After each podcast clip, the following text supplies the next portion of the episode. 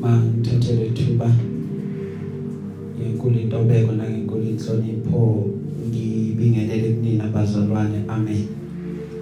Sibonga ukuphumelela kwenu namhlanje emuhle uJesu haleluya.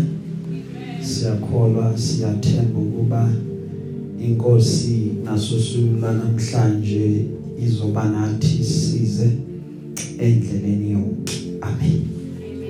Siyabulisa kubazalwane ababukela ku Facebook live ngelihle igama lika Jesu amen. Siyabonga abazalwane ukuthi um every sunday they do connect eh basibuke. Really siyabonga baba uNkulunkulu ngepresence yabo. Haleluya eh kubazalwana basilalelayo kuma audio whether basilalela kuma podcast nakubona sibonga kakhulu. Haleluya bazalwane.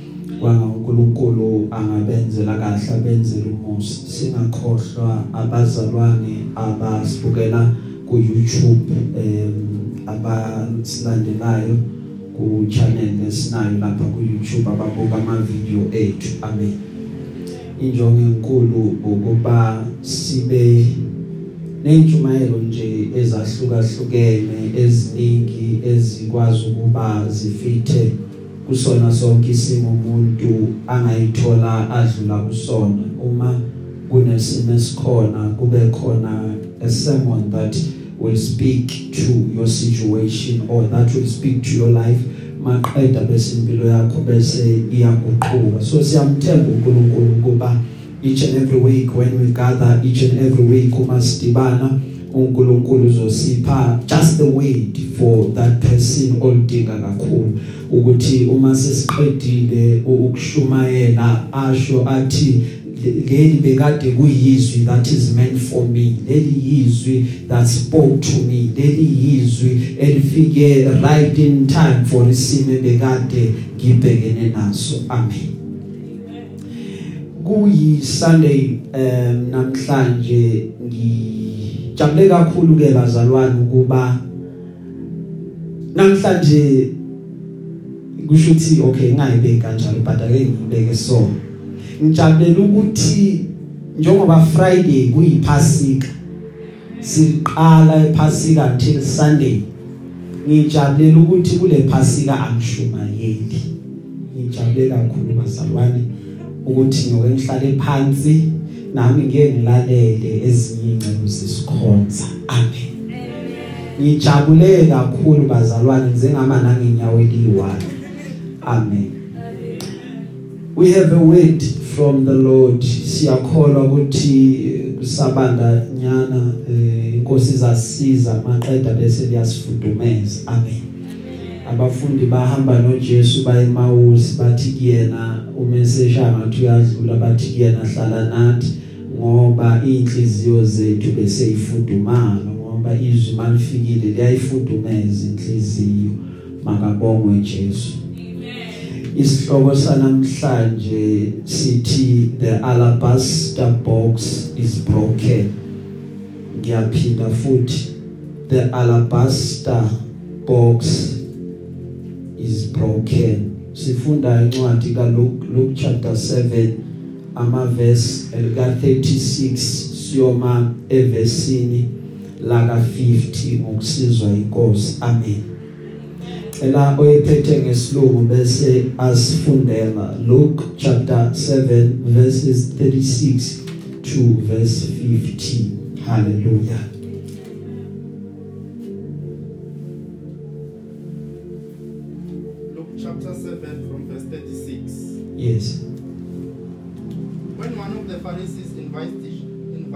Jesus to have dinner with him, he went to the Pharisee's house and reclined at the table. A woman in that town who lived a sinful life learned that Jesus was, was eating at the Pharisee's house. So she came there with an alabaster jar of perfume. As she stood behind him, at, at his feet weeping, she began to wet his feet with her tears.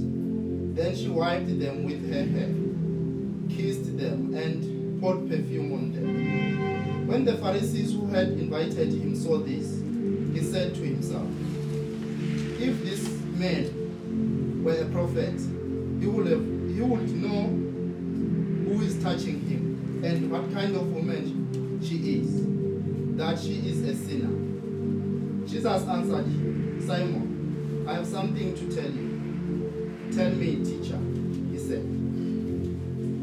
People owed, two people owed money to a certain money lender. One owed him 500 dinar, denarii and the other 50. Neither of them had the money to pay him back. So he forgave the debt of both. Now which of them will love him more?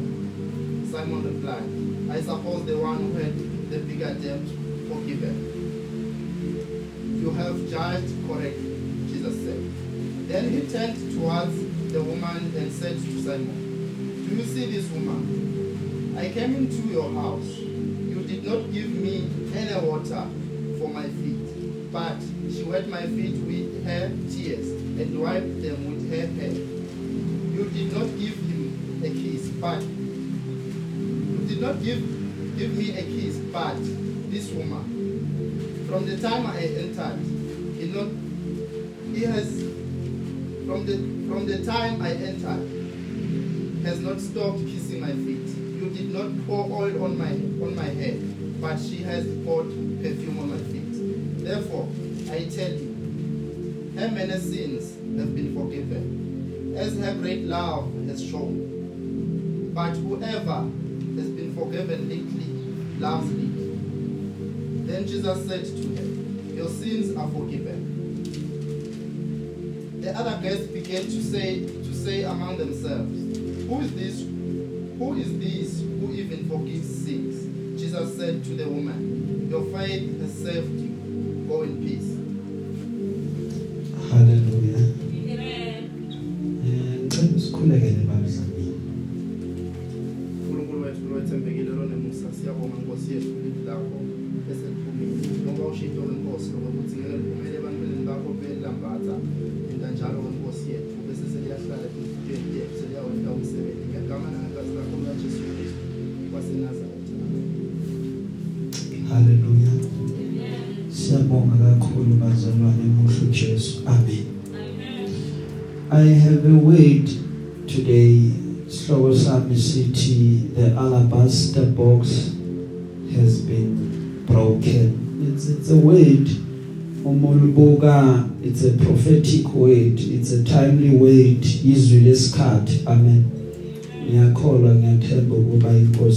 Izakusisiza uma siqhubeka nalo. Haleluya.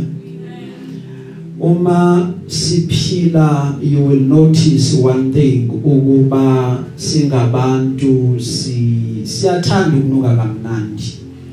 Eh kepha okubalekile kakhulu lithe izwi lenkosi uma likhuluma a good name is better than fine perfume. Kuhle ukuba ube negama elihle kunokuba unuke kamnandi so kahle kahle into esesiphilela kakhulu ukuba sibukeke before abantu sibahle before abantu sithandeka siphilela ukuba sibe negama elihle phambi kwabantu. Uma igama lethu lingasilihle kuyaye ngasiphathi kahle lokho while we continue to live. Hallelujah. iBhayibheli uma likhuluma likhuluma about la sifunda khona an alabaster box. Now kukhona indaba eBhayibhelini eziseparate ezimbili la elikhuluma ngabantu besifazane abathatha khona umfuma wamafutha abawuthathayo ukuba bayogcoba uJesu kumbule ukuba uJesu uyinkosi. So inkosi bekumiselwe bekufanele ukuba igcotshwe inkosi. Angithi uyakhumbula ngenkathi uJesu eqeda ukuzalwa lithe iBhayibheli laba bafika leza zeyintathu bekade ziphethe ama gifts to give to Jesus. One of the gifts it included a kind of ointment noma a kind of perfume so that azoba anointed ngayo uJesu. Amen. Now iBhayibheli lana uma likhuluma likhuluma about an alabaster box. Now iKing James version ikhuluma about ialabaster box angithi. And then kule version mzale bekade uyifunda naye ikhuluma about an alabaster box right? Alabaster jar yes. So you you would find ukuthi lo alabaster it remains mostly consistent but uh, it varies based on the translation because amanye ama translation will say an alabaster flask. Eh iBhayibheli akababa Dlamini lithi an alabaster jar and elinye iBhayibheli lizokhuluma about an alabaster vial kwamanye ama translation but leli gama uma belithatha balithatha from igama elithi alabastron okusho ukuthi uma lichazwa ivasi yeperfume ngoba ngithi siyawazi amavasi emakhaya ilawa afaka amabloma ngithi. So it's a container of of of of of a perfume le ebebakade bayithwele. Now womane lama gospels the four the four gospels akhuluma about ukugcotshwa kwaka Jesu abantu besifazane. Lezi indaba lezi zibonakala ngazuthi indaba eyodwa kanti uma uyifunda kahle kahle akuyona indaba eyodwa ngoba even the timing yokwenzeka kwazo zenzeka ngezikhathi ezingafani.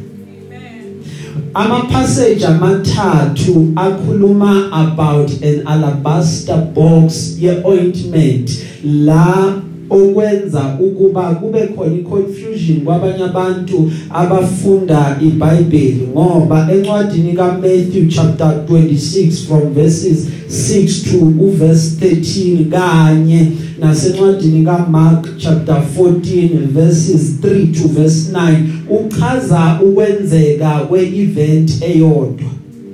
Leyo event yenze yenzeka 2 days before iphasika. Ukuze uJesu azoba anointed umzimba wakhe uzoba anointed and prepared for iburial. Now lawuma that event esencwadini kaMatthew nasencwadini kaMark ifaka owesifazane onganagama owangena endlini kaSaka Simon uSimon owaphiliswa kubulephero.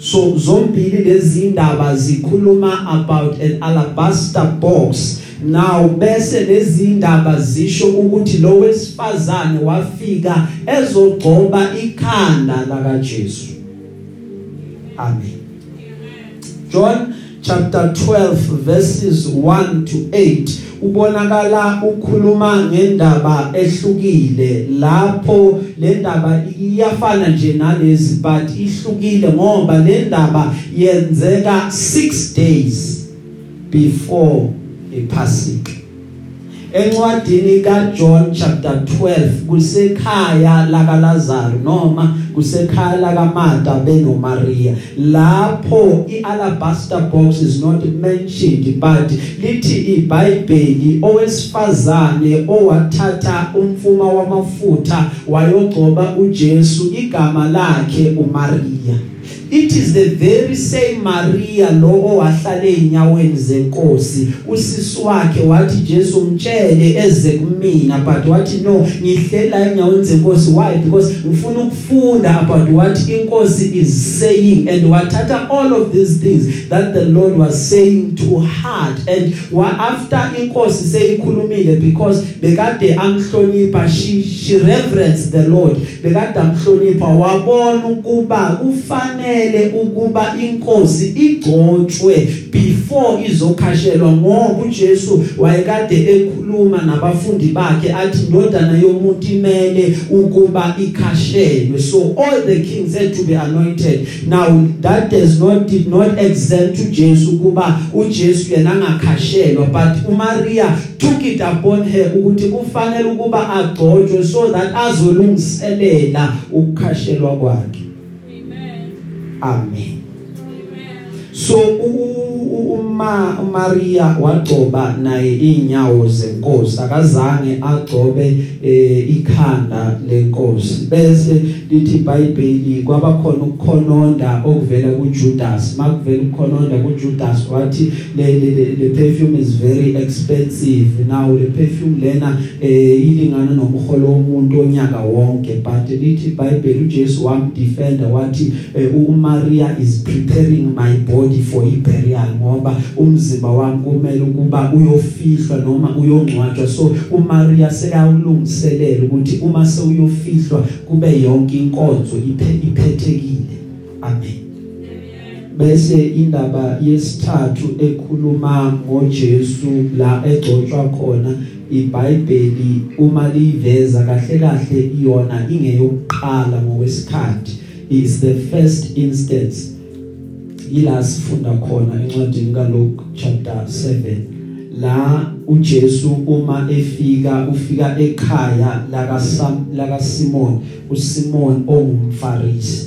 Angithi abafarisi uzokhumbula ibona laba abathi makabethele uJesu bazama ukuthi eh uJesu bakhonive with uJudas ukuthi okay sithengisele yena so that uJesu azobulawa. So but lo mfarisi lona bekade kuumfarisi oright hayi ukuthi beka antagonistic bekamelene neministry kaJesu bekuumuntu othi ngifuna ukufunda from uJesu.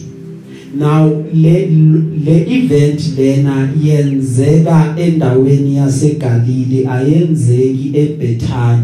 And uma yenzeka this event yenzeka a year before Jesu azoyobethelwa a year before kuzoba khona icrucifixion. Now iBhayibheli limensiona the alabaster box or the alabaster jar and libese liyachaza ukuthi kwafika owesifazane oesinganikezwe igama lakhe. Owafika engaphili impilo elungile engaphili impilo right but wafika ezogcoba inyawo zaka Jesu uza kuJesu ufika kuJesu uyakhala. Uma efika ekhala uyeza maqeda lithi iBhayibheli wamworshipa wamdumisa ngenxa yezono athethelelwe zona. Amen. Glory be to god. I alabaster bekade kuyistone bekade kungamatshe atholakala eIsrael now lamatshe lawa bekade kungamatshe amise okwamamabula amhlophe and lama stone lawa they were very precious eh anenani nalo elibizayo nje. Amahla athandeka. Now lithi iBhayibheli iwona awasetshenziswa ukuze ayo decorate itempeli laka Solomon encwadini yesihlabelelo seyihlabelelo kukhona the beloved man lo othandwayo oyindoda. Lithi iBhayibheli uma limchaza inyawo zakhe zifana namakholom wealabaster. Amen. O inyawo zakhe zifana namaphila wemabula uma emchaza lo othandiweyo wakhe. So icontainer ebekade isetshenziswa abantu besifazane iyona le ukuze bathwale their perfume. Why? Because eh lokuyakudala what is of value they would put it endaweni ezincane so that kube easy to carry it kungabe nzima to carry it. So is something which is of value bozoyithola eboxini le alabaster why? Because he, that's why athi Judas this perfume is very expensive because ilingana nomholo womuntu onyaka wonke so you can imagine the value that this bottle had that had to anoint uJesu.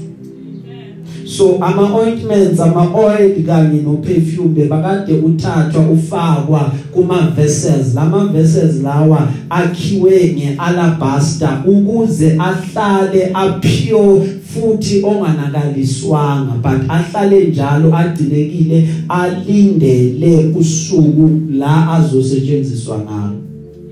Amabox lawo bewavamise ukuba avalwe noma asilwe with iwax ukuze avinjelwe ukuthi iperfume ingaphumi or inga escape ialabaster bekade kuyinto enhle futhi ethandekayo and estrong ekwazi ukuba igcine ioil ingaphumi kuze kufike isikhathi sokuba isetshenziswe.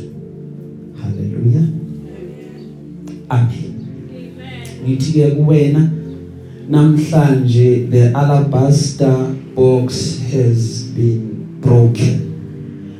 Along the way along the journey yokukholwa kwethu kukhona indawo esihamba hamba sithole kuzona. And uthola ukuthi kulezi indawo esithola kuzona akuzona indawo esizidinga ukuba sithole kuzona. Sometimes eh ekuhambeni kwethu sisaphila kukhona indawo la ungathi uma ubukusisa kahle ubone ukuthi kunezinto esezibambile kunezinto esezikuthumbile lithi iBhayibheli abantwana bakwaIsrayeli bake bathunjwa now lithi iBhayibheli bathi uma baku in despair behleli bethunjiwe lithi iBhayibheli bathatha amahabu abo bawaphanyeka ukuthi asisayi ukuthi sicule sihlabelele. But lithi iBhayibheli laba babathumbileyo bacela ukuba babahlabelelele igama.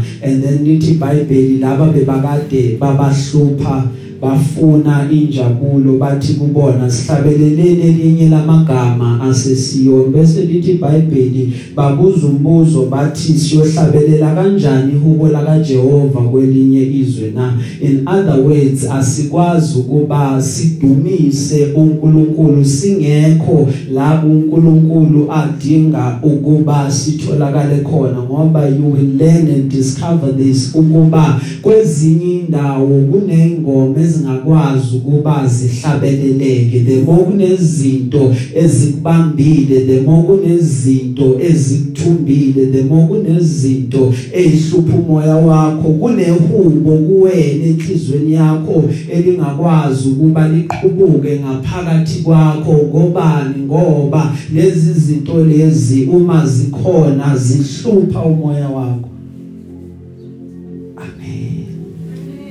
Haleluya Now lithi iBhayibheli uthi uPaul umekhuluma uJesu weza wafika emhlabeni azosindisa izoni. Maqeda athi uPauli izoni izoni lezi uJesu bekazile azosindisa mina I was the worst of the sinners. Why asho kanjalo Paul it is because it is the same Paul obekade ahamba azingela amakholwa azingela amaKristu awabulala amakholwa but uNkulunkulu wambamba uPaul wamenza ukuba aqhale bese uyamkhonza bese uyamdumisa impilo yakhe yaguquka ngoba uJesu uma afika emhlabeni akazelanga ukuzolanda laba balungile kakade vele uzele uJesu ukuzosindisa laba bakude naye laba bahlukene naye laba bacabanga ukuthi hawu inkosi ayisabhekanga ngakumina ngoba mina ngiyisoni but uJesu uzele laba banjani? That is why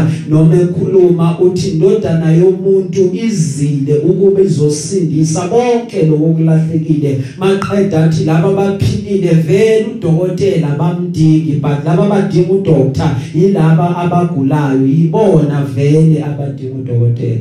Now that is why lithi iBhayibheli uma uJesu efika eyodibana noZakewu uma semtshelile ukuthi Zakewu yehla emthini lithi iBhayibheli uZakewu wayikhulumela wathi buka Nkosi bonke abantu engibarobhile ngabathathela izinto ngamacebo ngizothatha 4 times ngibisele kubona ngithatha incebo yami half yayo ngabelane nabampofu ngisiza abantu ngibuyisele ngibe umuntu omuhle othandekayo. But lithi iBhayibheli bayibuza umbuzo wodwa ukuthi why lo Jesu ayohlanganyela nezoni ufunani endlini yesoni? But siza uJesu athi eh, insindiso ifikile kulomuzi insindiso seyikhona ngobani? Ngoba naye lo uyindodana kaAbraham. Kufanele ukuba asindiswe ngani? Ngoba inhliziyo yakhe inako ukuthi iphenduke. Manje okuhluphayo einsukwini zethu thina eh sifana nabantu abamile abahlulela abantu ukuthi lo akakwazi ukuba asindiswe ngoba ngoba izono zakhe siyazazi ngoba lo ipast yakhe siyayazi. So we think ukuthi uNkulunkulu akakwazi ukuba angamsebenzisa. Eh uNkulunkulu lithe iBhayibheli izono zethu uyayithatha iphonso olwandle lokhohlwa uNkulunkulu izono zethu uyayikhohlwa uyayilibala but maye ngabantu ngoba abantu izono zethu abazilibali because why? We have classified abantu as if ukhona uhlobo lwabantu abaqualifyayo according to us ukuthi uNkulunkulu lo angamthethelela. Lo uNkulunkulu akafanele ukuba amthethelele ngani ngoba thina sithi siyamazi.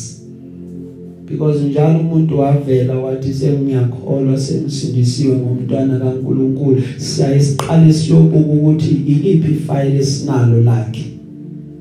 Sithi siyamazi kanti uNkulunkulu semguqulile wamenza isidalwa esisha but kithina kusesenepage elidala lalowo muntu. Because why? Kithina it's as if we don't reference we don't honor umsebenzi wegazi laka Jesu it's it's it's as if lokhu uJesu asenzela kona esiphambanweni kulungele noma ku right kuqualifyela abantu abathile. Kwabanye abantu akubaqualifyeli ngoba thina abazalwane lithe iBhayibheli leli gazi esahlanjwa ngalo bekade inqaba bekade lingaveli noma ngayikubi bekade kungasigazi elibhubhayo bekade kuyigazi e- elingaphelelwa amandla bekade kuyigazi uNkulunkulu alivumele ukuba izizwe zonke zize kulona maqeda bese zithola ukusindiswa. Nalabantu ongathi ubabuka uthi lo muntu angimthandisisi kahle but naye une right yokuba ayothi tap into the power of the blood. Maqeda bese uyasindiswa maqeda bese uNkulunkulu asebenze ngaye. But thina because we have our own issues we think ukuba uNkulunkulu akakwazi ukusebenza ngabantu abathile. Kanti lelo gazi esahlatshwa esahlanzwa ngalo alikhethi balala muntu lihlanza bonke abantu. Noma ngabe izono zabo zibovu kanjani? Hallelujah. Glory be to God bazalwane.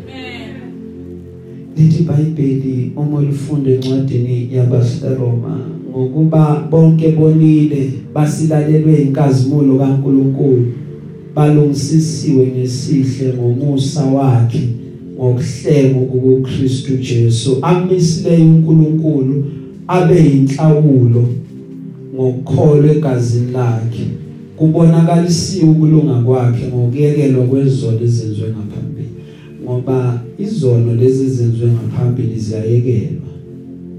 Glory be to God. Izono ezenziwe ngaphambili ziyayekelwa ziyashiywa why? Because God considers us to be very precious before his eyes. Hallelujah. Bengizothi kuwena namhlanje the alabaster box has been broken. Now uma uNkulunkulu ekwenzela umusa uma uNkulunkulu akusindisa kunalento eyayivuke kuwena. Uma njengalo wesifazane lithi iBhayibheli ngenxa yokukhulu bezono zakhe wathethelelwa maqeda weza kuJesu uma efika kuJesu ufika uyakhala ufika ngenyembezi. Maqeda lithi iBhayibheli uza kuJesu to come in and and worship the Lord. Now uma uma uthethelelwe you you you, you do that thing you come to God and you offer worship you offer praise unto God because you understand one thing you understand indawo la walandwa khona u understand izimo nezinto owahlengwa kuzona. Now that is why noma uMose ebona umphongolo kaJehova uphuma ubekade akhuluma lankamazwi athi arise o Jehovah and let your enemies be scattered. Let them flee flee before you. Maqeda bese umphongolo kaJehova uyaphuma. Nawe lithi iBhayibheli bonke laba baziyo ukuba bathethelelwe ezonweni zabo bonke laba abaziyo ukuba basindisiwe bayayithatha indumiso bayimikise enkosini ngoba kuba nento evukayo kuwena ngaphakathi. Ngemuva kokuba sowuthethelelwe ngemuva kokuba izono zakho seyihlanjiwe maqeda usho nawe uthi ngubani onjengawe Jehova phakathi kwawo uNkulunkulu ngubani onjenga nawe simakade okhazimula ngobungcwele owesabekayo ngezibongo owenza imangaliso na? Welulela isandla sakho phezulu kwabantu. Maqeda lithi iBhayibheli umhlaba wabagwinya. Bese lithi iBhayibheli ngomusa wakho wabahola abantu Jehova bahlekileyo ngamandla akho wabayise endlini yakhe engcwele glory be to God. uNkulunkulu umkhulu bazalwane uJehova uyabongeka.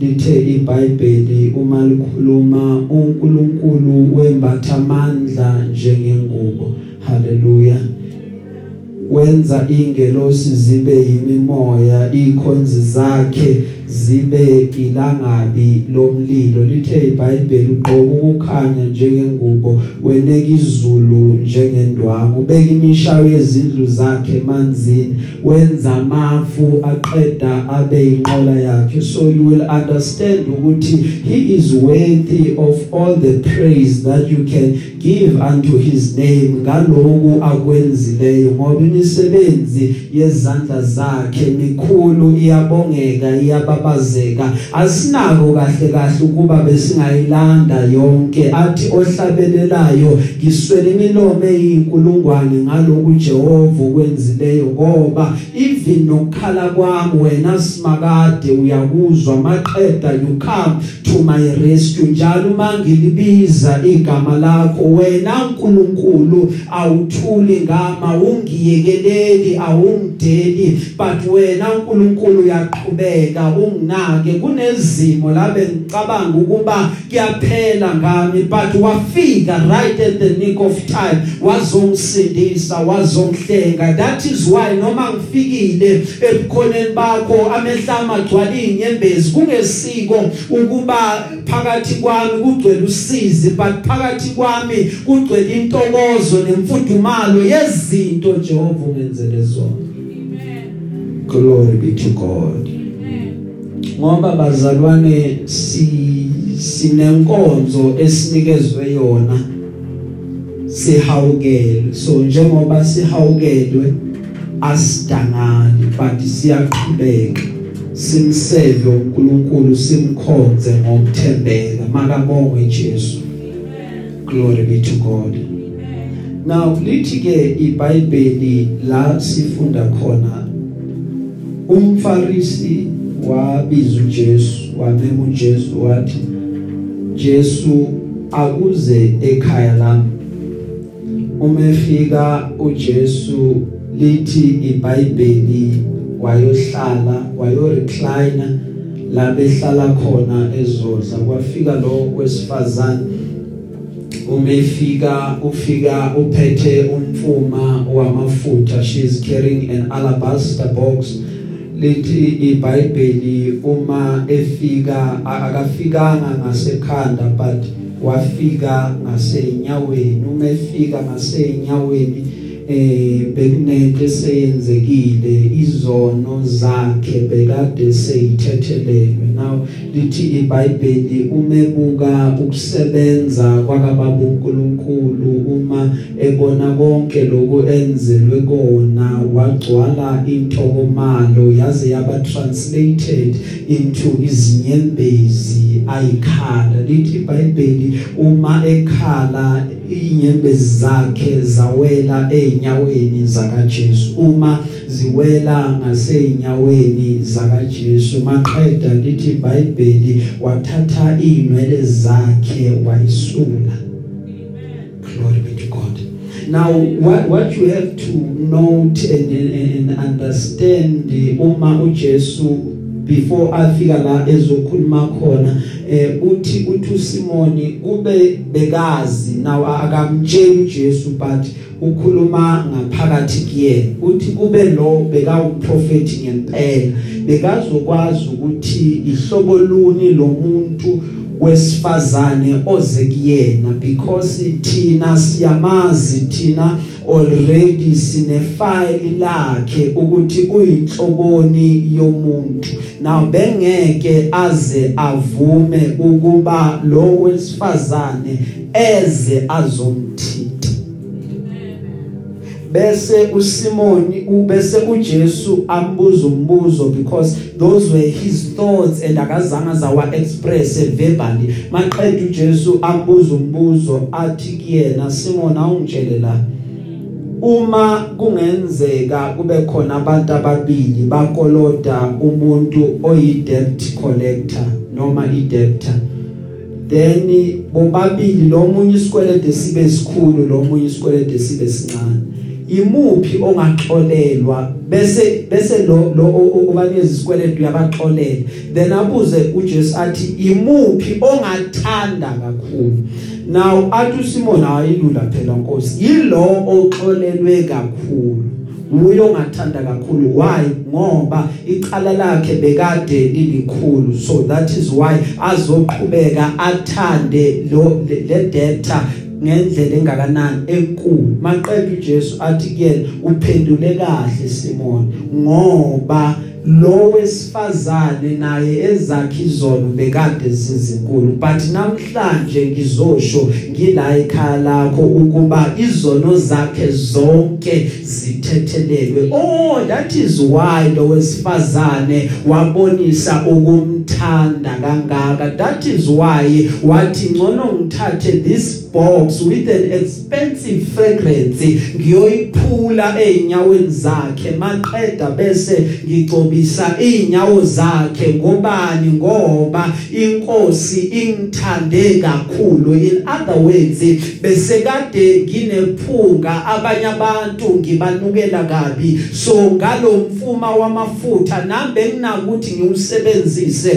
in order to hide leli phunga ebantwini ngoba each and every time masinento enuka kabi kubanye abantu siyaye sifune into yokuvala ukuzizoba isubstitution yaleyo nto so that abantu bangaboni ihlazo lethu ukuthi lapha sinenkinga lapha. Now that is why lo wesifazane wathanda kangaka yingoba uthethelelwe kakhulu what i'm not looking at the value or the price of this box. I'm not looking at the value of this jar but ngiyakuyiphula maqeda bese i anoint inyawo zakhe. Glory be to god. Lithi iBhayibheli uma umeqeda ukuyi anointa inyawo zakhe lithi iBhayibheli kwagcwala iphunga elimnandi lapho and always all the time uma sikhuluma uma sishumayela we never leave out lo wesifazane glory be to god. She will always be a part of us even though igama lakhe singalazi even though igama lakhe singalikhumbuli. But we remember we recall iservice awayenza wayenzela uJesu because uma uJesu sekhuluma noSimon uthi kuSimon wena Simon ngifike la ekhaya lakho ngoba lemigwaqo bebakade bahamba kuyona bekuyimigwaqo ehlala ine dust njalo. So bekufune ukuthi uma guest ifikile kwakho uthatha uthatha amanzi uyigeza inyawo as a sign yokuthi you are honoring this guest like we are welcome ekhaya lakho. Uthi uJesu mekhuluma wena Simon uma ngifika la ekhaya lakho you did not give me amanzi okugeza inyawo but lo wesifazane ever since ngingenile lithi iBhayibheli ube lokecaphuza inyawo zami. In other words she was showing honor to me nangendlela engihambile kanye nendlela futhi engisazophinde ngihambe. Maqeda uthi uJesu because there was no water to water inyawo zami. Lo wesifazane wena Simon into ayenzile uthele inyawo zami ngenyembezi. Because why? Asusa konke ukungcole bekade ngihamba ngikuthola endleleni ngiza la kwakho when you forgot that courtesy ebefane ukuba uyenze unto me iguest yakhe ekhaya lakho. Kuyaye kwenzeka ukuthi ama guest agcotshwe ngeoil uma efikile but wena Simon awuzange uzuyihluphe nanokuthi uthathe ioil. Maceda ugcobe ikhanda lami because that was uh, the order of the day in those days ukuthi ama guests uma efikile ubanikeze ioil. Maceda uwagcobe amakhanda. Ukuthi wena Simon azange uzungcoba azange uzunganoint but lo wesifazane uthathe iperfume ebizayo wangcoba ngayo. Here we are here we stand. We say enkosini ukuba nkosi sizokukhonza irregardless of la sibuya khona. And number 2 kunabantu uNkulunkulu azobasebenzisa kunabantu azobavusa. Nkosi asizi kuwena sisodwa but siza nalabo bantu.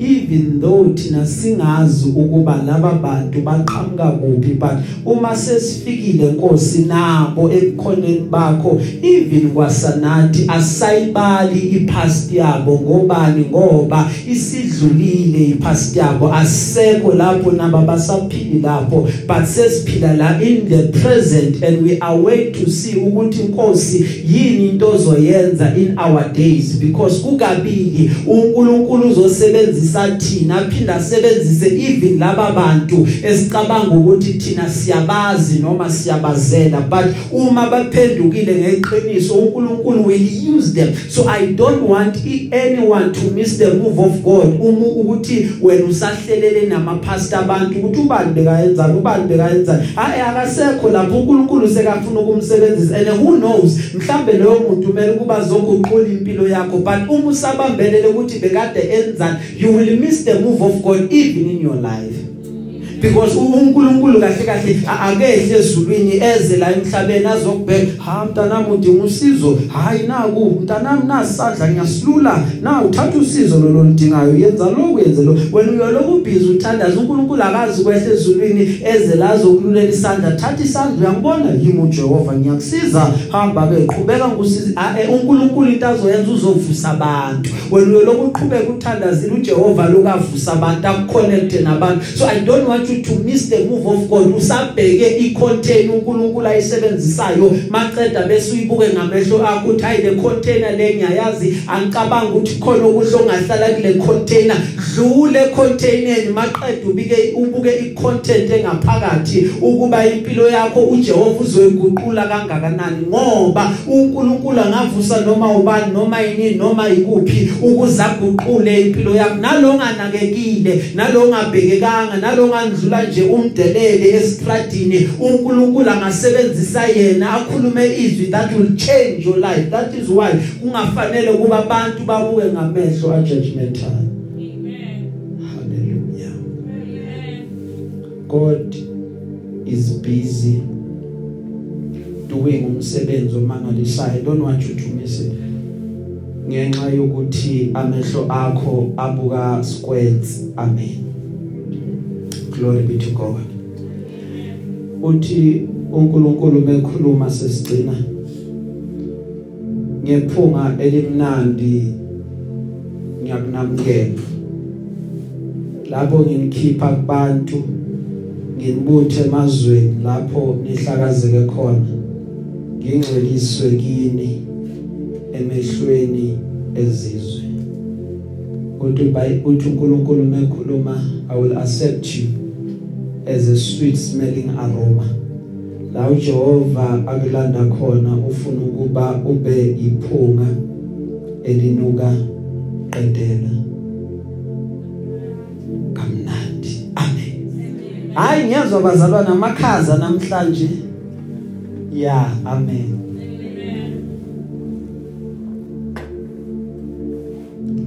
Sengicina ke bazalwana lithe izwi the alabaster box has been broken. Kule phasika ka2022 sizosho lokho ukuba ibhokisi lomfuma wamafutha seliphukile.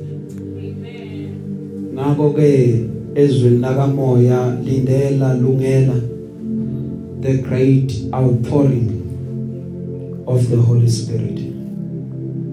uNkulunkulu azokwenza. Bekuthathwa leli jeke leperfume. Maqeda because fanele ukhumbule ukuthi belivaliwe ukuze the scent or ukunuka kwalo kunga escape so bebathi uma belivula bese baphula the neck or intamo yakhona.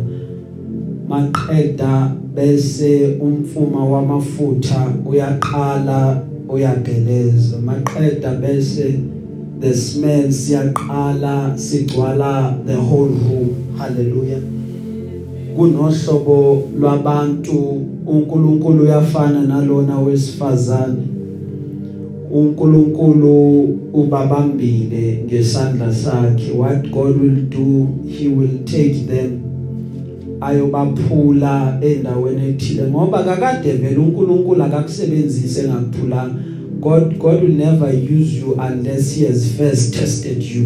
In order for you ukuthi uqhubeke uzwe inkazimulo kaNkuluNkulu uNkulunkulu uhamba ngalabo bantu abavumela ukuba kufike izimo ezizobaphula. Because lezi zimo mazikufikele kahle uyayocabanga ukuthi kuyaphela ngakanti kahle kahle akupheli ngawe kahle kahle uzokwakhiwa. Uma uNkulunkulu sekabaphulile laba bantu then they will radiate bayakukhipha iphunga enuka kamnandi.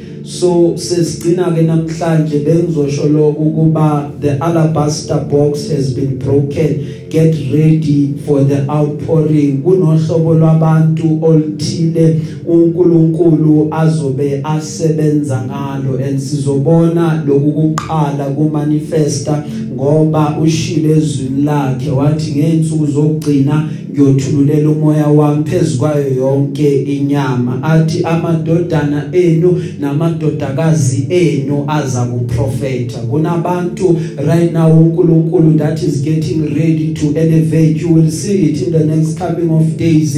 uNkulunkulu uyophakamisa uhlobo lwabantu esingalibhekanga. uNkulunkulu uyophakamisa uhlobo lwabantu elichamuka eindaweni esingacabanga ukuba bangachamuka kuzona. uNkulunkulu uyophakamisa uhlobo lwabantu ekwaziwayo ukuba iprofile yabo ayishinhle ayithandeki. But ibona kanye labo bantu who will be carrying the glory of God for this time. Yingani? Yingoba? Kunohlobo lwabantu uNkulunkulu ebekade abasebenzisa thatha inkazimulo yakhe wayibeka phezukwabo in the days before noma in the days prior. But what has happened ukuthi labo bantu sebangenwe yipride sebanovolo emakhwapheni uma behamba behamba benze nje behamba bephakamise ingalo bathi akekho ngangitshela they have turned themselves to become gods phezukwabantwana bakaNkulunkulu. And uNkulunkulu umelene nepride. uNkulunkulu akayifuni ipride. That is why lithe izwi lenkosi humble yourself before the eye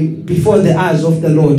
Then the Lord will lift you up. But ngenxa yokuba basuke baphakama ngenxa yokuba basuke bayitshela ukuthi uJehova bayamazi uJehova will remove inkazimulo yakhe ayithathe ayoyibeka kulolu hlobo lwabantu obebekade sibabuka. Sithi laba bantu abathandeki laba bantu abafuneki ingoba sekubekhona ukuyisola kubona. Bathe bheka mina Jehova ngiyisoni. Maqeda bathi inkosi ngiyaphenduka ngifuna ukuhamba ngendlela eright. Bayamazi uNkulunkulu uzobona ezamalanga lokuqhubeka ukuthi babambe yona babambe yona yona yona yodwa yona ephelele yona engafakiwe lutho. God will be using them.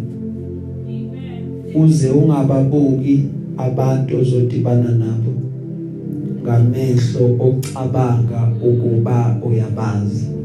Uzungababuki abantu ozodibana nabo ngamehlo wabantu abathi bayabazi. Amen. Ngoba laba bantu labo into abayiphethe baphethe izolo labo kuphela. Abaphethanga imanje labo abaphethanga ikusasa labo because iconcern yami enkulu ukuthi I don't want you to miss the move of God while usabhizi uhleli uhlulela abantu.